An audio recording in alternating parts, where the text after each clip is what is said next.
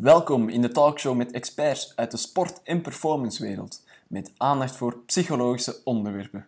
Uw host in deze podcast is Nathan Kahan.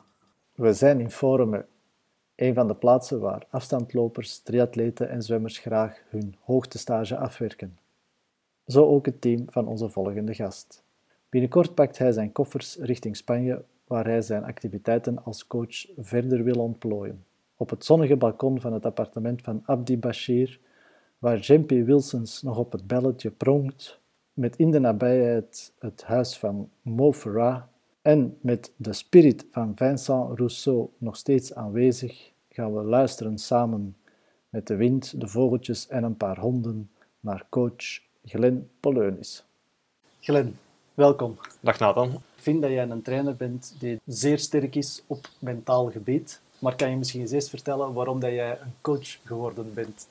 Dat is een goede vraag, Nathan. Een vraag die ik mezelf ook soms nog stel op drukke momenten of uh, als het even minder gaat. Het is wel uh, een hectisch bestaan soms, denk ik. Maar ik denk dat dat een beetje een deel nature was en nurture. Ik merkte dat ik van jongs af super gepassioneerd was voor sporten.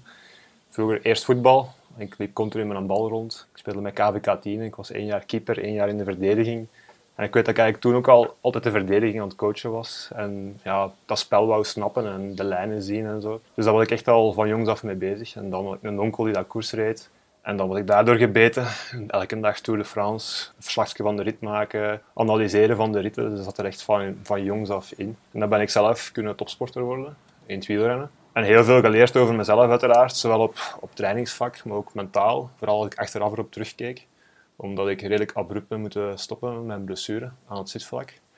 En ik besefte dan later ook van alle fouten die ik gemaakt heb. Eén, dat ik niet maximum heb uitgehaald, dat ik eigenlijk mentaal vrij zwak was. Was een soort van fysiologisch talent, denk ik, aanwezig. En ik heb dat ook door ervaringen leren inzien. En tweede ook, dat ik mijn eigen wel soms ook eh, te belangrijk vond in die sport, denk ik. Zo. Van, dat ik dacht dat alles rond de koers draaide. Of zo, voorbeeld, ik moet om dat uur gaan slapen en dat en dat dat ik daar niet los genoeg in was op bepaalde momenten. Dat zijn dingen dat ik dan later heb meegenomen. En wat bedoel je dan als je zegt over jezelf dat je mentaal te zwak was als topsporter? Ik denk dat ik te snel tevreden was ook. Eén, in de wedstrijd zelf kon ik echt diep gaan als ik goed was. De dagen dat ik zo net iets minder was, begon ik heel snel mezelf te twijfelen ook. Ik denk dat ik daar een beetje begeleiding in had vroeger, dat ik daar zeker had beter kunnen mee omgaan. En ten tweede ook van, ik was niet sterk genoeg om, als ik in een slechte omgeving zat, slecht is een groot woord, maar niet de juiste omgeving voor mezelf zat, om daar iets aan te veranderen, omdat dat bijvoorbeeld een goed team was met uitstraling en goed materiaal, waar ik me eigenlijk niet goed in mijn vel voelde. Om dan te kunnen zeggen, dit is niet voor mij, en terug te gaan naar een team waar ik me echt supergoed voelde en op mijn gemak was. En dan, dan presteerde ik tien keer beter. Ja. Dus dat was voor mij wel ja, heel duidelijk geworden door een ervaring achteraf. Ik denk dat dat iets was waar ik heel veel uit geleerd heb. Ja, en hoe verklaar je dan dat je toch wel de, de drive dan had om het in het coachen te proberen? Ja, is langzaam gekomen. Hè. Ik ben dan even heel veel gaan reizen toen ik moest stoppen met dingen. Heel veel geleerd. En de max vond is altijd van mensen wie ik dacht van, wat ik hiervan bijleren? Of dat ik misschien bevooroordeeld was. Ja, levensvisies of eh, dingen dat ik altijd van iedereen vond van, maar ik kan hier echt gewoon een snop was ik soms eigenlijk, van dat ik al zoveel gedachten zat en het werkt zo en dit en dat, dat ik eigenlijk ja, besefte van, ik heb nog zoveel te leren. Ik ben dan terug gaan studeren, want ik, ik miste wel de sport en ik wou echt terug in de topsportwereld komen. Ik ben kine gaan studeren aan de KU Leuven. In het begin heel leuk, inspanningsfysiologie, uh, anatomie, biomechanica. Maar ik merkte van, als echte praktijkgedeeltes eraan kwamen, dat was echt niet ja, niet mijn passie of niet wat ik wou doen later om in een cabine mensen te behandelen bijvoorbeeld. En kreeg dan les van professor Hespel. Dan werd het vuur wel redelijk aangewakkerd om meer die richting uit te gaan. Ook de manier van lesgeven. En ik merkte dat was, dat was niet leren voor mij. Dat was gewoon ja, wat ik graag deed. Ik weet dat ik soms examens ook nog zo andere vakken had en dat ik gewoon een boek over trainingsleren aan het lezen was. Terwijl ja, totaal niet mee bezig was met het vak van wat ik moest studeren. Ja. Dus ja, dat was, was iets spontaan. Ik ben dan ook beginnen mensen zo zelf te coachen. Ja, zonder diploma nog of zo toen ook. Of zonder echt heel veel achtergrond op dat moment. Maar dat, ik vond dat echt super leuk en dat werkte ook direct zo. Dus dat was heel fijn. Maar dan, waarom vond je dat fijn? Ja, mensen zien groeien. En dat vind ik echt, zich zien ontwikkelen. En dat is één in de sport dan, maar ook daarnaast. Hè, uiteraard van, ik denk dat dat voor mij, iedereen die met mij coacht, weet dat het niet alleen maar gaat om die atleet ontwikkelen en dat ik ook probeer mensen ontwikkelen achteraf na die carrière iets staat. Ik heb bijvoorbeeld ooit eens met een atleet echt gezegd van als uw herexamens niet, niet oké zijn en je doet er niet meer voor, dan stop ik u met coachen. En dat komt hard aan op dat moment. En dan werken ze super hard, maar die herexamens bijvoorbeeld geslaagd. En dan achteraf zijn die heel dankbaar dat dat gelukt is natuurlijk. En dat is wel dat grotere beeld dat ik altijd wil meepakken in mijn coaching. En dat geeft voldoening achteraf, als je die mensen ziet van in het begin weinig bagage voor in het leven iets te maken. En je ziet dat je daar samen hebt kunnen aan werken met een team uiteraard, of met, met, met ploeggenoten of ja, squadmates zoals wij het noemen. Dus dat is echt wel fijn als je die elkaar ziet helpen en groeien. Kom je dan soms niet te dicht bij een atleet? Ja, soms wel ja. Dat vind ik een moeilijke grens nog altijd. Probeer die ergens af te bakenen en vooral ook te zeggen tegen hun van kijk, dit is te ver. Maar je bent ook ergens vriend geworden. Hè? Dus dat is ook iets... In het begin zeg je meer als mijn trainingsprikkel is dit en dat en ze gaan dat uitvoeren. Op een bepaald moment weet je zoveel over het persoonlijk leven. En ja, dan is dat eigenlijk wel... Ja, ze zien je ook soms als de persoon waar alles mee terecht kan. En je probeert dat te zijn, maar je moet je eigen beschermen, want je kunt, in mijn geval, ik heb redelijk meerdere atleten en dan is dat heel moeilijk. Je kunt niet voor 15 mensen bijvoorbeeld continu over elk probleem gaan aan en ze moeten dat zelf gaan oplossen. En de psycholoog is uiteraard ook een, een heel belangrijk onderdeel daarin, denk ik, dat ze dat leren kanaliseren van waar kan ik met Glenn voor terecht, wanneer is het echt nodig om erover te praten en wat moet ik zelf oplossen. Ik denk dat dat wel uh, iets heel belangrijk is. Ja. Hoe zou je jouw coachingstijl typeren?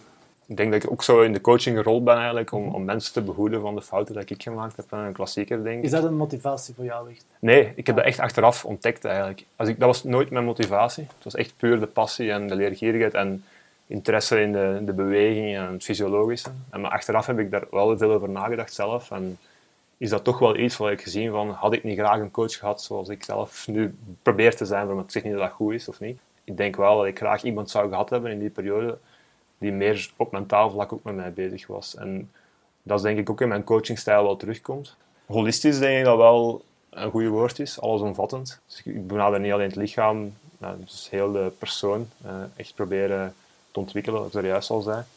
En vooral ook zo de brug, eigenlijk het gat te proberen overbruggen tussen de wetenschap en het veld.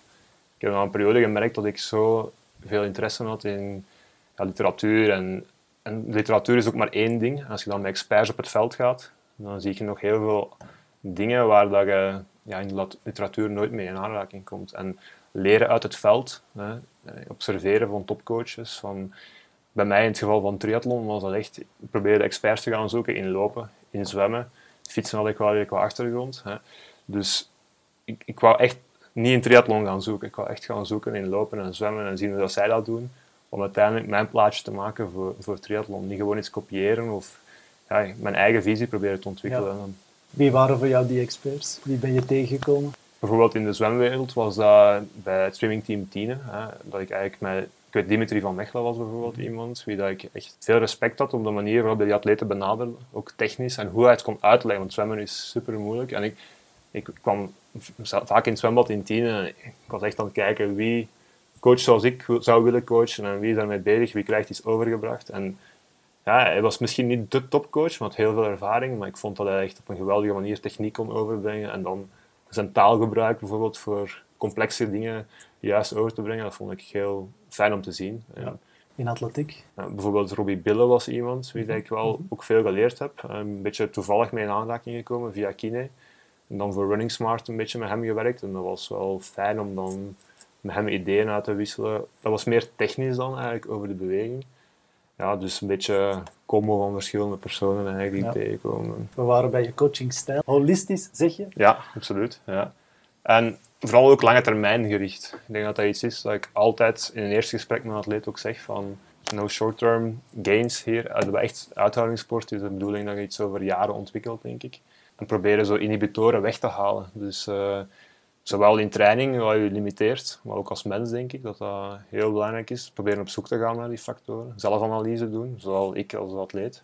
Is een beetje Schopenhauer-filosofie ook. Voor, ja. Mooi. Ja, nee, ja, inderdaad. Ik, heb er wel veel, ik ben echt een heel fervent lezer in filosofie. En ja, ik vind wel zo van bepaalde principes... Schopenhauer is niet direct... Nee, is redelijk pessimistisch. Hè, dus, uh, maar ik geloof wel van atleten willen soms gewoon te veel. En te hard op zoek naar het geluk. En gewoon de basics juist doen. En, en vrede hebben waar je nu bent, denk ik, heel belangrijk is. En gewoon genieten van wat we gaan doen. Ze zijn zo bezig met prestatie of wat ze denken dat mensen van hen verwachten, dat gewoon soms dat genot helemaal weg is. En ik heb het nog gezegd, ik wil, ja, mijn doel is om naar een speler te gaan ooit met atleten. En ja, ik wil daar echt plezier in hebben in heel dat proces. Als dat is gewoon om naar een speler te gaan, dan doe ik liever iets anders. Dat is voor mij, dat probeer ik ook bij hun. Want ik zou nooit achteraf die ervaring kunnen hebben van dat dat succesvol was. Als wij naar een speler gaan en goed presteren, als dat een sleur was om daar te geraken en dat dat met heel veel mentale problemen was bijvoorbeeld. Ja. Dus, uh, nu, dikwijls in een trainingsproces zit er wel een... Uh... Absoluut, zeker weten. Ja, dus accepteer dat ook. Hè. Dus, maar uh, ik denk wel, en ik heb me daar ook eens op patent gemaakt, van je moet eigenlijk wel zien van dat atleten zelf groeien erin en dat je het niet voor hun altijd wilt oplossen. En als dat op een bepaald moment niet komt, denk ik dat, ik soms misschien te hard wou bewijzen van kijk, ik kan die atleet er toch doorhalen. Of uh, dat zou fijn zijn als ik kan tonen dat die atleet dat niveau kan halen. Maar ja, het is niet natuurlijk op een bepaalde manier. En dan vraag ik me soms af, wil ik het harder als atleet?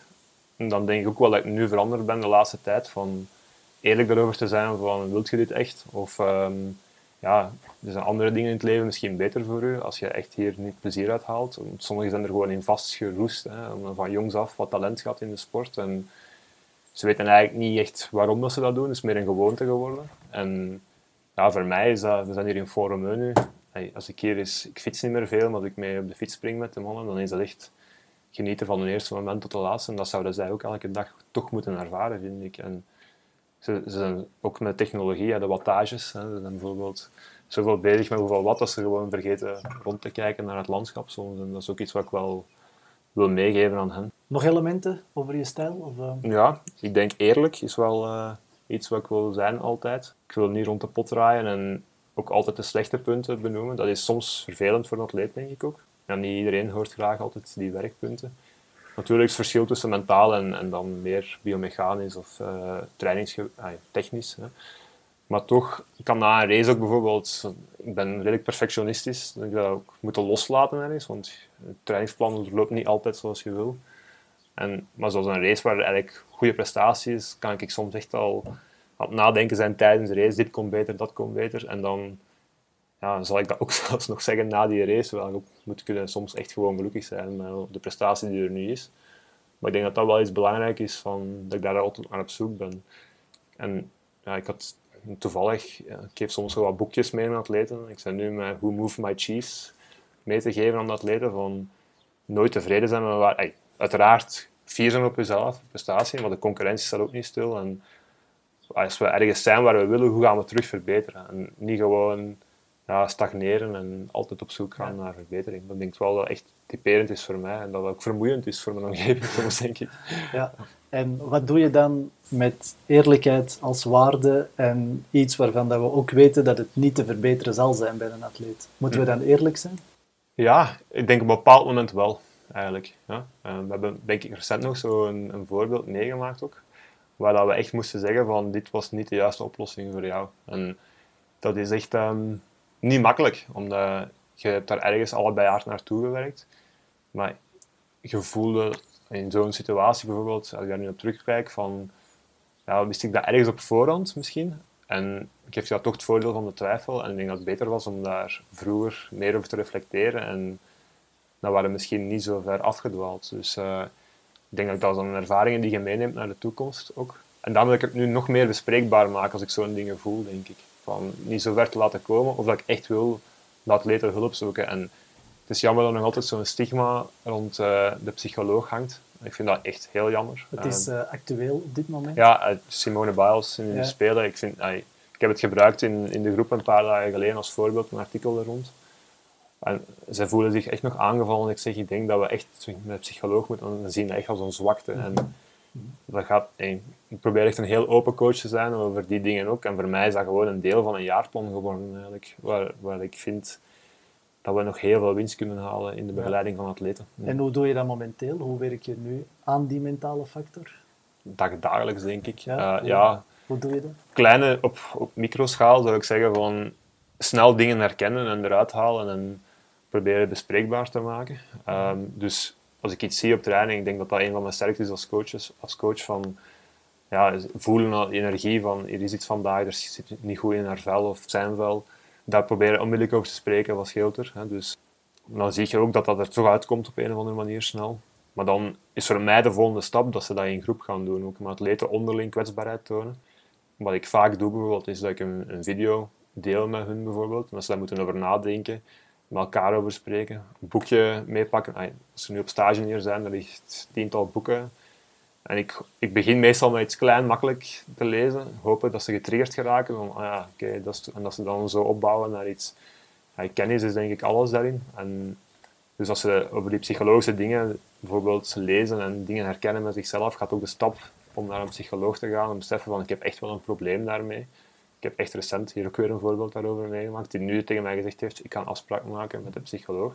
Dus dat, is, ja, dat zijn kleine dingen die dat triggeren om hem bewust te maken. En dat vind ik een heel belangrijk onderdeel van dit proces. Wij doen echt ook heel vaak zo echte group talks, waar alles op tafel moet gesmeten kunnen worden soms, ja, je ziet heel vaak de emoties komen allemaal boven. Dus, ik denk dat begint, en mensen hebben nu al schrik om zo'n groeptak te doen. Want, we gaan weer huilen, of zo, we gaan weer blijten zeggen aan de stoere mannen. Toch lucht dat enorm op. Ik, ik, wil dat ook niet uitstellen. Soms doe je dat, want het zijn examens en EK, hè, WK, daar moeten naartoe gaan. En je stelt dat uit, maar eigenlijk is dat niet goed. Dus je moet die dingen gewoon blijven inplannen en ja, daar, ook daar geen shortcuts in pakken. Hè.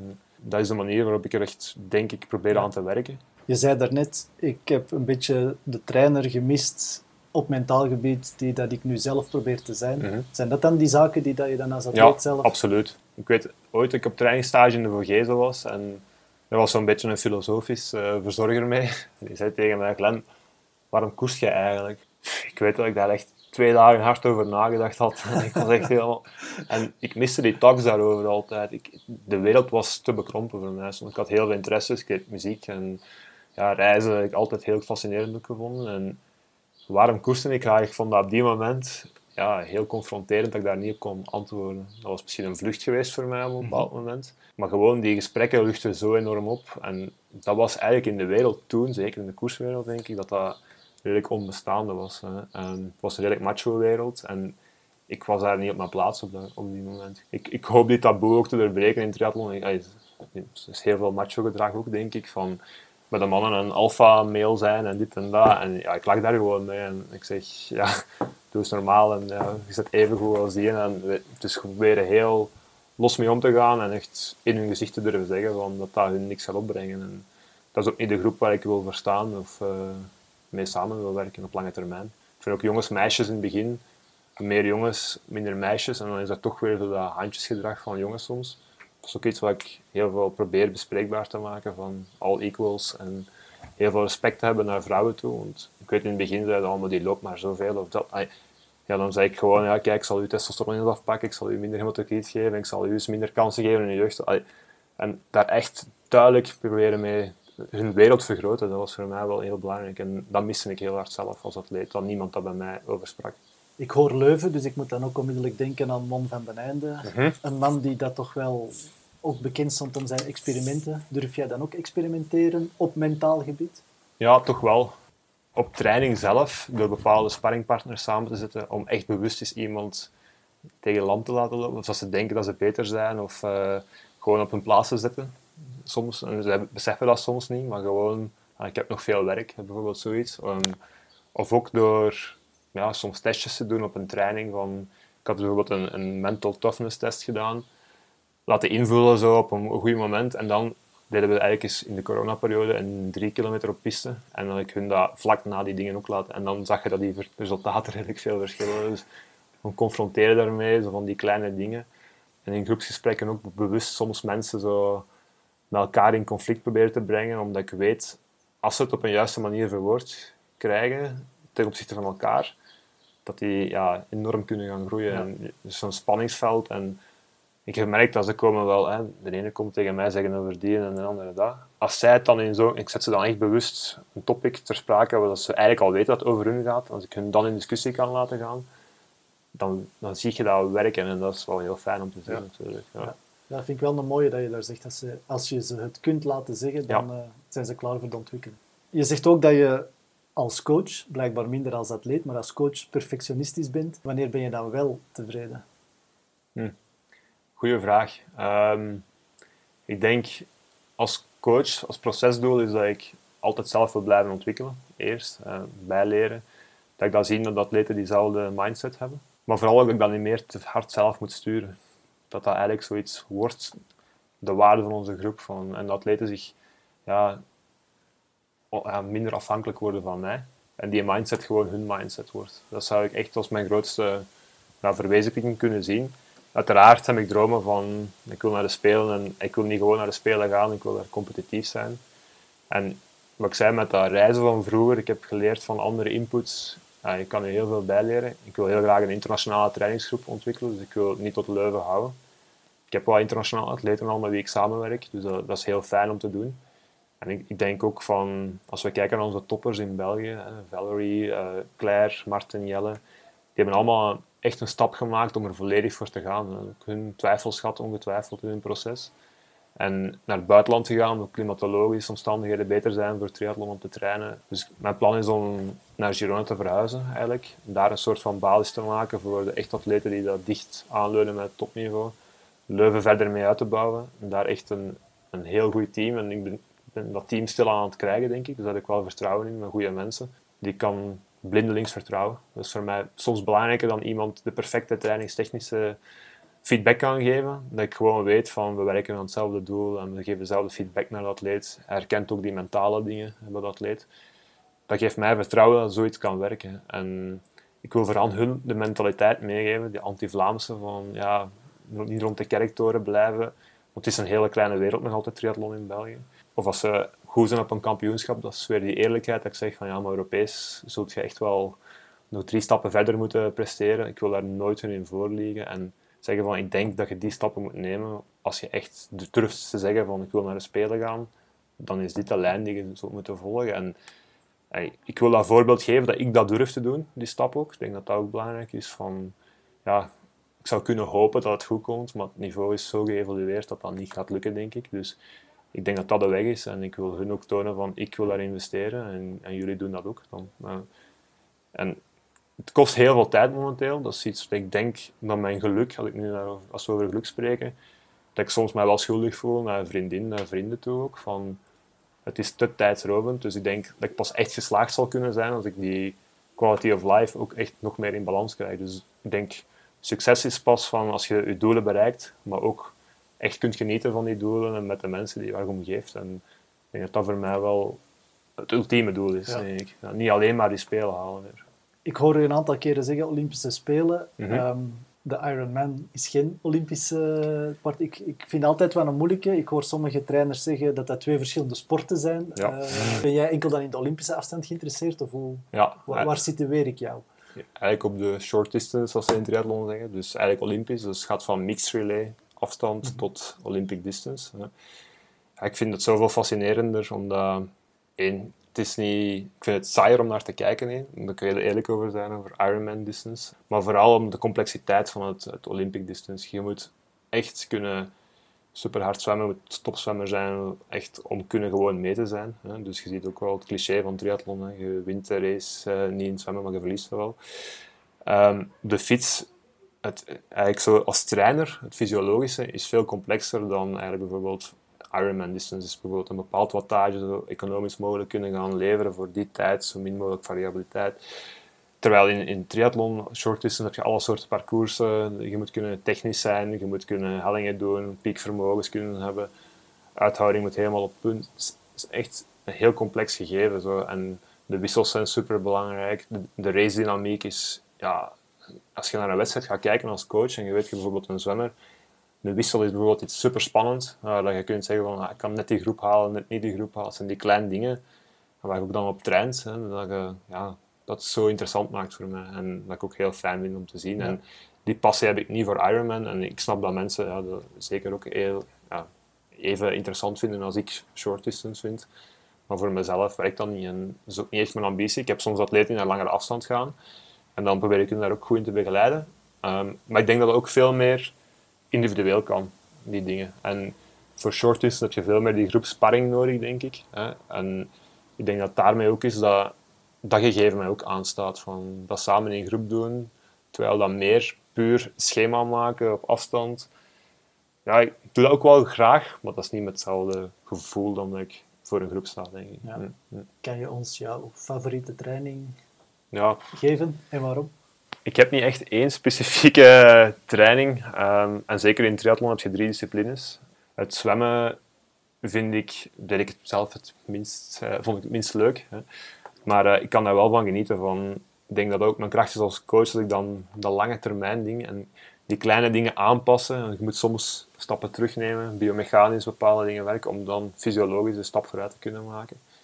En als die puzzel zo in elkaar valt, dan vind ik dat wel heel fijn om te zien altijd. Dus het is een haat-liefde relatie met zwemmen, denk ik. Ehm, fietsen, dat doe ik ook door die blessure nog niet vaak meer. Maar als ik hier dan in, in Forum ben, dan, en we doen zo'n heel rap training met intervals bergop, ja, dat is, dan komt, kriebelt dat wel terug en is dat wel heel fijn om terug te zien. Maar mijn favoriete sport is denk ik nu het lopen. En Dat begrijp ik. ja, uiteraard.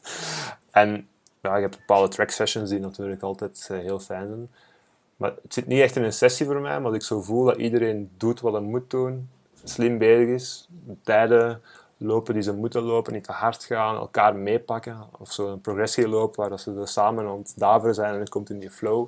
Ja, dat is, dat is echt genieten om te zien. Dat zijn dan mijn lievelingstrainingen misschien wel. Dus het zit wel in het lopen dan. lopen, Ja, maar niet echt een specifieke set of zo. Nee. Nee, niet echt. Nee. Nu, we zitten hier inderdaad op hoogte, Mhm. eh, gevaarlijk. Ja. Hoogte. Absoluut. Ik denk, ik heb daar juist al eens tegen u gezegd, van, dat iedereen op hoogte kan reageren. Dus, eh, maar je moet de dingen juist doen. Heel belangrijk om te proberen zo goed mogelijk te monitoren. Saturatie, slaap, eh, kwaliteit, moed. ehm, wattages checken, tijden, hartslag checken, want je kunt er niet echt in wattage doen, omdat je op hoogte eigenlijk fysiologische kost groter is voor eenzelfde wattage bijvoorbeeld op de fiets. Probeer daar heel veel in voor te lichten. Van, ja, het zijn jonge gasten en meisjes die daar super gedreven zijn en die willen vlammen. Een stage en je moet ze dan de eerste week redelijk inhouden. Dus ik denk dat voor een trainer inderdaad de uitdaging ligt om ze af te remmen. Ja, absoluut. Pure afremming eigenlijk nu. En ja, rusttijden wat langer maken. En de eerste kernsessies dalen wij af naar iets lager om, om daar wat kwaliteit in te brengen.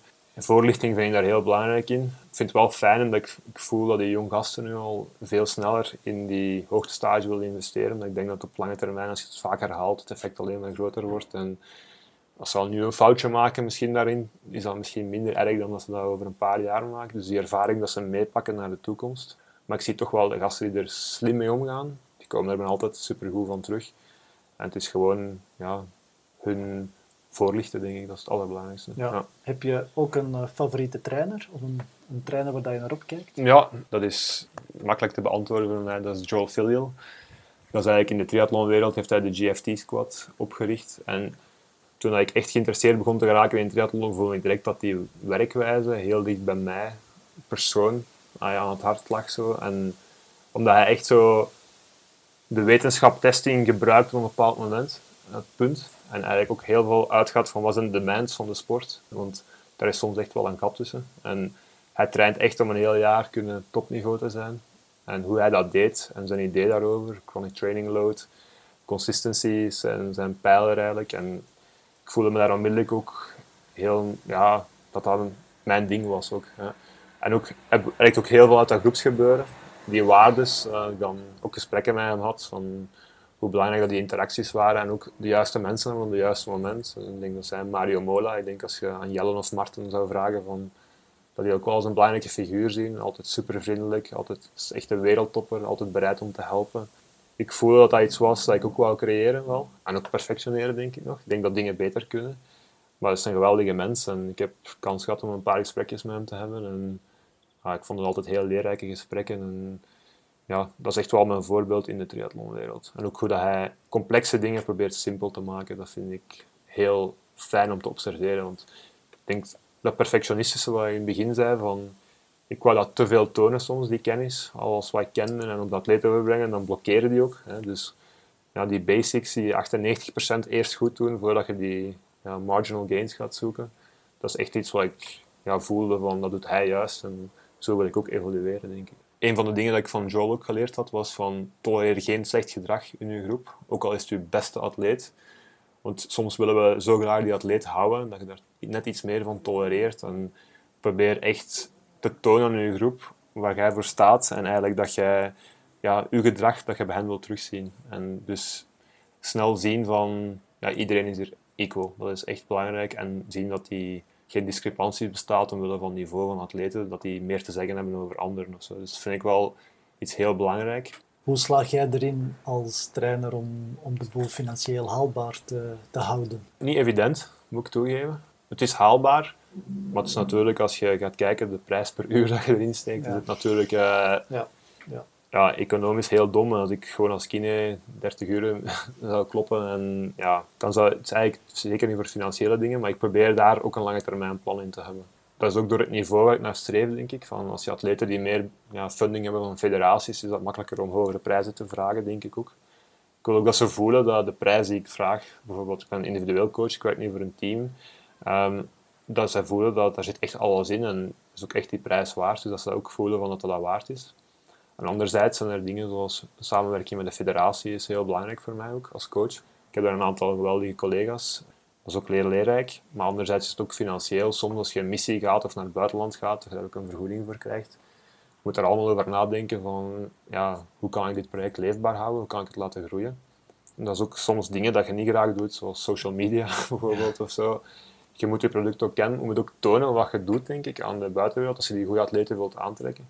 Er zit wel een lange termijn plan in, ook daar financieel. En een soort van cut-offs in mijn hoofd ook gemaakt. Als ik tegen die periode niet daar ben, ja, dan is het misschien, ja, moet je ook wel zien of het haalbaar blijft voor je omgeving om dit te doen. Ja. En ik denk dat mijn geluk ook ergens is dat ik, ik ben echt super gepassioneerd door topsport en triathlon. Maar anderzijds zie ik mijn eigen ook nog wel iets totaal anders doen ooit. En mijn wereld stort niet in elkaar als ik die droom niet zou halen, als het ten koste is van al die dingen. Dus je op een bepaald moment ook je financiële toekomst en je relatie, dat heel belangrijk is, denk ik. Dus ik zou het heel jammer vinden. Het is echt mijn, ja, want ik voel nu niet, ik werk 7 op 7. Wat, het is een cliché, maar het voelt niet als werken. Hè. En ja, sommige dingen doe je liever niet, maar ja, ik zou dit wel echt nog heel lang willen verder doen en verder uitbouwen. Ja. Ja. En die stap die dat je dan eh, wil zetten richting Spanje, is dat, dan, is dat een gok die dat je dan neemt? Of is dat...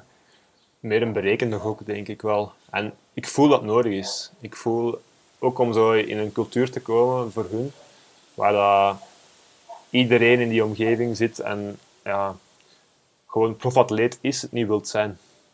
Gewoon doen. En ik zie heel vaak dat de kennis er is over wat denken dat goed is, maar dat omzetten in gedrag en die stap zetten, Dat is een moeilijke. dat is een heel moeilijke stap. Ja. Ja. En ik denk, door anderen te observeren, denk ik dat dat ook heel belangrijk is. Door echt internationale elite te zien trainen daar. En ook zien hoe relaxed en chill dat die zijn, eigenlijk buiten hun training. En het niet te hard willen soms. En gewoon doen. En dat dat voor hun een stap is die ik denk dat nodig is. Eh een van de redenen is waarom ik het wil doen, omdat ik denk dat het nodig is om een project te laten slagen zoals ik het zou willen doen. Ja. Ja, een noodzakelijke stap. Ja, Ja. ik denk het wel, ja. ja. Ik ik zie het niet gebeuren zoals het nu werkt in Vlaanderen.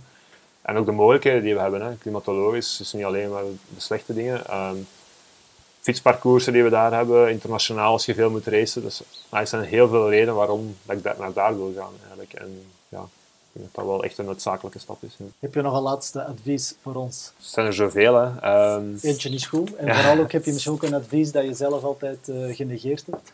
ja, die keep it simple was eentje, denk ik. Hè, dat ik soms te complex wou maken. Waar ik vooral... Het, het, ja, het is niet echt een advies, maar ik voel van...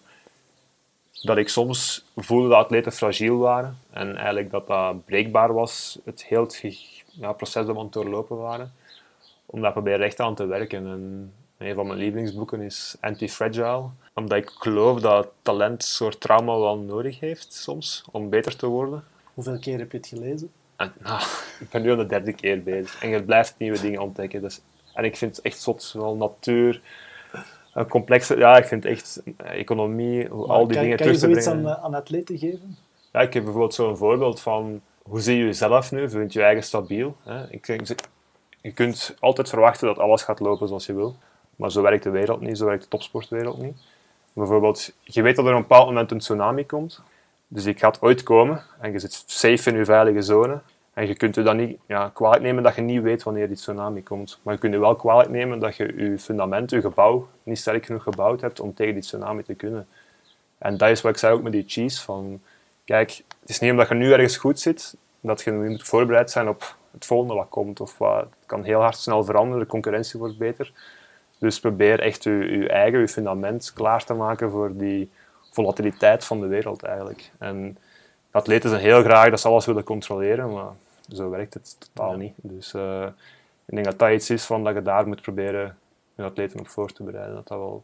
En niet gewoon robust zijn, want dat vind ik het goede concept van de... Je hebt materiaal dat robuust is, dat er statisch stormen, maar wordt er niet beter van. En ik denk de goede atleten die worden beter van die kleine stormpjes. De storm mag niet te groot worden natuurlijk, hè, want dan kan het ook gedaan zijn. Maar als je eruit leert, en dan maakt je de volgende stap. Daar geloof ik heel hard in. En dan, wat ik niet graag hoor, eigenlijk, is meer van... In Vlaanderen is heel vaak van...